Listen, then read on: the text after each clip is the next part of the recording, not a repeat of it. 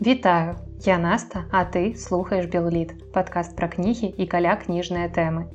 У эфіры выпуск под нумарам 42 і недзе ў паралельным сусвеце ў гэтым выпуску я рассказываю пра зусім іншую кнігу пра фантастычны роман дупласа Адам саўтаспыны па галактыцы, але не сённяшні выпуск незвычайны, бо ім я працягваю цыкл под назвай сёлета, у якім расказваю пра творы беларускай літаратуры, якія сёлета святкуюць свой юбілей. Першы выпуск з гэтага цыклу вы можете знайсці пад нумаром 25. Там я рассказывала пра творы Якуба коласа на прасторах жыцця і казкі жыцця, якія сёлета святкуюць сваё 95годдзе. І столькі ж гадоў у гэтым годзе спаўняецца з выхаду наступнага героя нашага цыклу аповесці мехася зарэцкага голы звер, якая была надрукаваная ў 1926 годзе ў дзяржаўным выдавецтве Беларусі. Я была ў нацыянальнай бібліятэцы і падтрымала ў руках гэтае танюткае сімпатычнае выданне і дарэчы сам зарэцкі сёлета таксама юбіляр. Ён нарадзіўся 20 лістапада 1901 года і такім чынам у гэтым годзе спаўняецца 120 гадоў з дня яго нараджэння. Таму вы, магчыма, яшчэ пачуеце пра гэтага літаратара ў выпуску з іншага цыклу майго падкаста, які называецца асобы, дзе я больш падрабязна расказваю пра жыццё пра творчасць пісьменнікаў. Ну а зараз мы паговорым пра аповесць голы зверх это твор вельмі караценькі, але вельмі наватарскі для свайго часу. І ўвогуле свой творчы шлях зарэцкі пачынаў з так званай малой прозы і ўжо ў гэтых невялічкіх паводле аб'ёму апавяданнях ён здолеў узнімаць сур'ёзныя тэмы. І можна сказаць, што пісанне такіх апавяданняў караценькіх для зарэцкага было такой своеасаблівай трэніроўкай і генеральнай рэпетыцыяй вялікага спектаклю, якім у выніку сталі яго аповесці і раманы.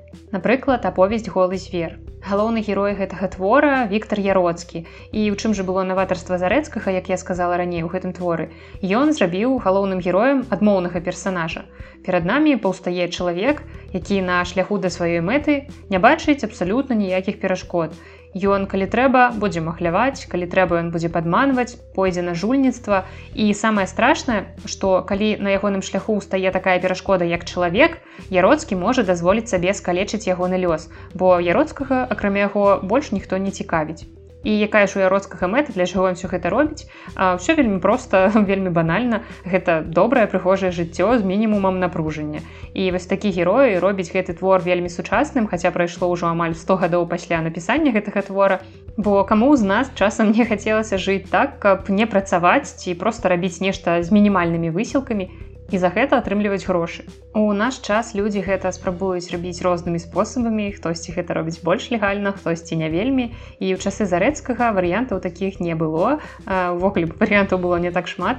Напрыклад, там аккаунт тиктоку, аккаунт у нстаграме ці і канал на Ютубе не створыш, таму заставалася, што рабіць або красці, або нейкія іншыя спосабы махлярства выкарыстоўваць. Віктор Яроцкі акурат выбірае шлях махляра, які дае яму магчымасць прыгожа жыць, наколькі гэта ўвогуле было магчыма ў тыя часы. Гэта значыць проста траціць грошы, не думаць, колькі там яшчэ іх засталося, наведваць там розныя піцейныя установы і гэтак далей і пляваць яму, што пра гэта думае грамадства. І ва ўсе часы, пакуль чалавек застаецца істотай сацыяльнай, будуць узнікаць гэтыя пытанні суадносіны чалавека і грамадства, Напрыклад, як жыць так, каб падтрымліваць асалоду ад жыцця самому, але пры гэтым не быць перашкодай для іншых. Але яроцкі ўвогуле вырашыў на гэты конт абсалютна не парыцца. І ўжо ў першым апісанні яроцкага, якое нам дае зарэцкі ў першых радках аповесці, не відаць нічога асабліва прыемнага ў гэтым чалавеку. Смешна яроцкаму, ну не стрымаць проста. Смех шалёнай вужакай абвівае нутро і ціснецца, ціснецца вон, каб рассыпацца ў рогат гуллівы. Я думаю, што наўрад ці вы будзеце апісваць смех чалавека, які вам прыемны, як шалёную вужаку. І перад тым, як мы вернемся да яроцкага да яго апісання, спачатку маё невялічкае лірычнае адхіленне. Вось акурат нядаўна я задумвалася і нават абмяркоўвала з некаторымі людзьмі на тэму таго, наколькі вакол нас шмат актыўных і дзейсных людзей, якія накіроўваюць сваю энергію не ў тое рэчышча. Бо яны проста не маюць нейкіх інтэлектуальных магчымасцяў ці там нейкай колькасці ведаў пэўнай, каб рабіць нешта сапраўды значнае вось таму яны неяк распыляюцца распыляюць сваю энергію на рэчы якія ім магчыма падаюцца важнымі але яны ў сабе ніякай каштоўнасці не нясуць. І ў той час як людзі якія сапраўды валодаюць пэўнымі ведамі маюць мноства задум але ім папросту не хапае сіл не хапае часу на іх рэалізацыю. І таму яны з зайздрасцю глядзяць на гэтых бадзёрых энергічных энерджайзеру Праўда, энерджайзеры таксама бываюць двух тыпаў і першыя гэта даволі бяскрыўдныя. Яны хочуць нешта рабіць у галіне культуры, напрыклад, яны імкнуцца да гэтага неяк, але просто ну, не хапае ім неяк таленту ведаў яны напрыклад займаюцца кампіляцыяй чужога контенту яны не нясуць у сабе ніякай шкоды нават ёсць там пэўны адсотак карыснага ў іх дзеяннях таму гэта такі бяскрыўдны тып. Другі ж тып ён больш небяспечны і да якога у тым ліку адносіцца і галоўны герой гэтай аповесці Віктор яроцкі. Гэта людзі якія сваю энергію яны маюць шмат энергіі але сваю энергію яны накіроўваюць не ў тое рэчышча. І я не магу сказаць што гэтыя людзі не маюць таленту. Яны маюць талент падманваць людзей махляваць гэта ну вельмі не просто простая справа і гэта сапраўды талент. Але нават сам зарэцкі у творы трошки шкадуе свайго героя што той траціць энергію на такія ну не вельмі маральныя ўчынкі замест таго каб рабіць нешта больш карыснае прыемнае. Яроцкі уладкоўваецца на працу ў крэдытнае таварыства і там ён знаёміцца з яго старшынёй са шчупаком і адразу пра сябе расказвае ўсё нічога не хаваючы Я таксама не маю ніякай спецыяльнасці але я не бядую і не сохну у мяне нейкі д'ябальскі спрыт да жыцця я умею здорово жыць. Але дзеля справядлівасці трэба адзначыць, што яроцкаму ў прынцыпе нейкую спецыяльнасць мець і не трэба. Яму не трэба нідзе вучыцца, бо рэч, якая яго вядзе па жыцці, яна ўжо ў ім закладзеная. Гэта вось ягоны махлярскі талент, талент падпарадкоўвання сабе даверлівых людзей, напрыклад, такіх як шчупак. І шчупака мы таксама першы раз, як і яроцкага бачым у вельмі вызначальным апісанні, якое ў нас складзе пэўны вобраз гэтага чалавека. За сталом, упяўшы вочы ў паперы, мужчына чарнявы, барада лапаткай вусны чырвоненькім банцікам і вочы наіўна скруглёныя не быў здзіўленні мы чытаем і разумеем што наіўныя вочы гэта акурат тое што трэба яроцкаму гэта новая выдатная ахвяра. І яшчэ адна наіўная ахвяра якая ў творы сустрэнецца гэта лідачка. Гэта дзяўчына якую Віктор упадабаў і зразумела што няма ў свеце таго чаго б яроцкі хацеў але не мог дамагчыся. І таксама ў першым апісанні дзяўчыны мы бачым слова наіўны Лідачка бегла паспешна па вуліцы, ёмка праціраючыся праз шчыльны натоўп падарожных, наіўнай задорна выкручваючы зграбнай фігуркай.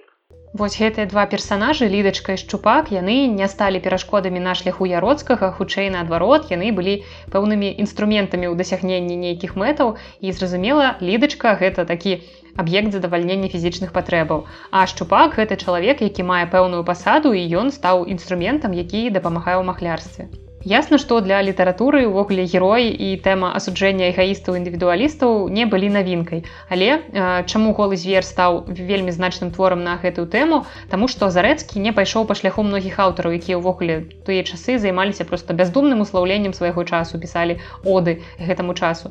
Зарэцкі вырашыў паказаць і адмоўныя бакі гэтага часу і ён напісвае нам яроцкага акурат носьбіта філасофіі эгаізму і геданізму і ён не саромеючыся распавядае шчупаку пра свае цёмныя справы. Ён мастацка расказваў. Ён умеў захапіць чалавека умеў да болю напінаць струны яго пачуцця і граў на іх смела рашуча як віртуоз. Ён адразу знаходзіў унутры чалавека інстынкты звярыныя і ўспарваў іх узбіваў у бурна шалёную пену каб захлынула яна ўсё нутро каб затапіла ўсё чалавечае І як мы бачым гэта і адбылося са шчупаком які слухаючы яроцкага ператвараўся нібыта ў іншага чалавека. І такім чынам зарэцкі нам паказвае не толькі ўнутраны свет і тое што рухала самім яроцкім а мы можемм таксама зазірнуць і ў галаву да гэтых ягоных нібыта ахвяр. І тут я раблю двукосці бо з гэтымі ахвярамі не ўсё так адназначна. Бо зарэцкі ён не займаецца толькі маральным асуджэннем яроцкага. Ён таксама і з недаверам ставіцца да людзей якія і давалі такім яроцкім квітнець. Яны станавіліся іх нібыта ахвяр ахвярамі іх падпітвалі. І тут усё вельмі проста, бо многія з такіх вось гэтых так званых ахвяр яны проста разумелі, што самі яны ні на што не здольныя. Яны таксама можа быць хочуць жыць прыгожа, але у іх няма смеласці, каб прызнацца нават сабе ў гэтым. І тут знаходзіцца вось нейкі больш смелы, больш мужны чалавек, больш прабіўны можа быць, які бярэ, так скажам цябе на буксір і ну чаму ж не скарыстацца такой магчымасцю.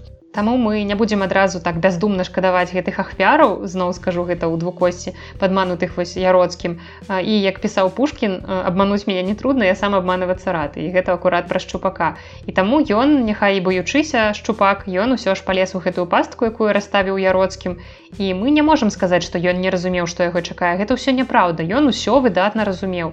Ён разумеў што дзеянні яроцкага супрацьзаконныя але ён разам з тым разумеў што сам ён ніякімі асаблівымі здольнасцямі не валодае. І калі яроцкі ў творы раіць яму змяніць прафесію з бухгалтарскай можа на якую-небудзь больш прэстыжную больш прыбытковую то шчупак яму просто адказвае Што вы? За якую другую? Я калісьці ў дзяцінстве дудкі з вярбы рабіў ды яшчэ з дзяхелю майстраваў спрытныя пырскаўкі а больш спецыяльнасці ніякай не помню. Вось і возьміся за якую працу і калі перакласці гэта з такой зануднай адмазачнай мовы на беларускую то гучыць гэта прыкладна так. Я нічога не ўмею вучыцца я нічому не збіраюся няхай жыццё неяк цічэ само па сабе я разам з ім а там можа быць хто-небудзь знойдзецца больш спрытны хто мяне падхопіць у сваю лодку Але сам шчупак ні ўменняў, ні смеласці, ні мужнасці там для нейкіх значных пераменаў жыцці не мае. І таму мы лёгка можам правесці знак роўнасці паміж злачынцам і ахвярай. Магчыма, у іх ролі трошкі розныя, але людзі самі па сабе ў прынцыпе яны аднолькавыя. Яны мараць пра адно, праўда, што адзін умею гэтага дасягаць, а другі ну не вельмі. І адзін з талентаў яроцкага акурат заключаўся ў тым, каб вось гэту унутраную сутнасць людзей выкрываць, як я ўжо зачытала ў адной з папярэдніх цытат. Ён адразу лёгка вызначаў, хто вось гэтых нясмелых у звычайных жыцці людзей стане яму добрым памочнікам. Ну а пакуль у прынцыпе існуюць такія вось памочнікі, будуць існаваць і такія яроцкія. Гэта вельмі зручны махлярскі сімбіёз. Таму абсалютна ніякай генетыкі адмазак пра тое, што гэта проста яроцкі вось такі чалавек ад прыроды, гэта ўсё лухта бо умовай да з'яўлення вось такіх людзей як яроцкі з'яўляецца ў прынцыпе само грамадства у якім куча таких маральна неустойлівых людзей як шчупак якія гатова яроцкаму дапамагчы калі яны самі пры гэтым застануцца ў шакаладзе. Мне праўда шкада што ў творы сам зарэцкі ўсё ж такі ў яроцкім бачыць нейкую такую прыродную запраграмаванасць на гэтыя паводзіны і тут з ім я не зусім згодная бо такім чынам яроцкага і ў іншых вось таких людзей можна апраўдваць маўляў гэта просто як нейкае там пэўнае псіхічнае захворванне з якім ты просто нічога не можаш зрабіць. Але скажем так я чытала мноства кніжак пра розныя псіхічныя захворванні і вельмі малы адсотак чалавечых вось не самых добрых учынкаў зрабілі людзі ў нейкім такім нестабільным псіхічным стане. Большасць гэта абсалютна нармальныя адэкватныя людзі якія вось просто робяць дрэнныя рэчы таму што ім так хочацца. І далей вось кароткае апісанне філасофіі жыцця яроцкага ад яго самога якое у прынцыпе нам многае пра яго кажа як пра чалавека. Кажуць так жыві а не гэтак тое рабі а не гэта каму якое дело хто мае права мной кіраваць. Я жыву так як хачу. Я жыву так як мне прыемна. Я хачу ўзяць ад жыцця ўсё што мне ўцеху дае асалоду якое мне дело што людзям дрэнна жывецца? Ха-ха. Каб мне было дурню дык што б тады было рабіць разумнаму?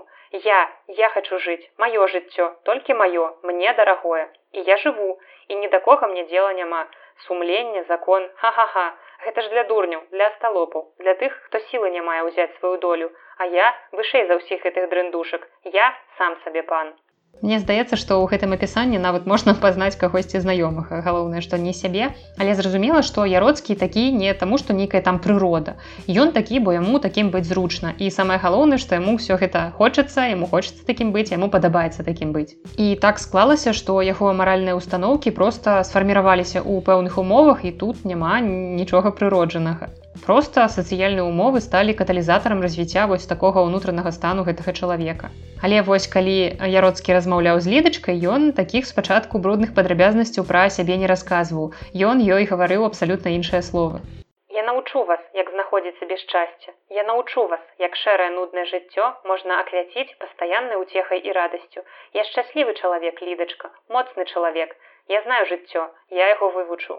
І гэта вельмі прывабныя словы для маладой дзяўчыны ад такога сур'ёзнага дарослага прыгожага мужчына які жыццё ведае ён ведае чаго ён хоча і ён гэтаму можа навучыць яе і магчыма яна не ўсе ягоныя гэтыя палымяныя прамовы разумела але яна адчувала што ў іх ёсць нейкая такая прыемная таямніца і таму гэтыя адносіны у прынцыпе ў творы ну не самая цікавая яго частка гэта просто ўсё вельмі банальна просты сюжэт про то як абаяльны галоўны герой такімі прыхожымі словамі спакушае маладзенькую наіўную дзяўчынку. Тут нічога новага ў гэтым.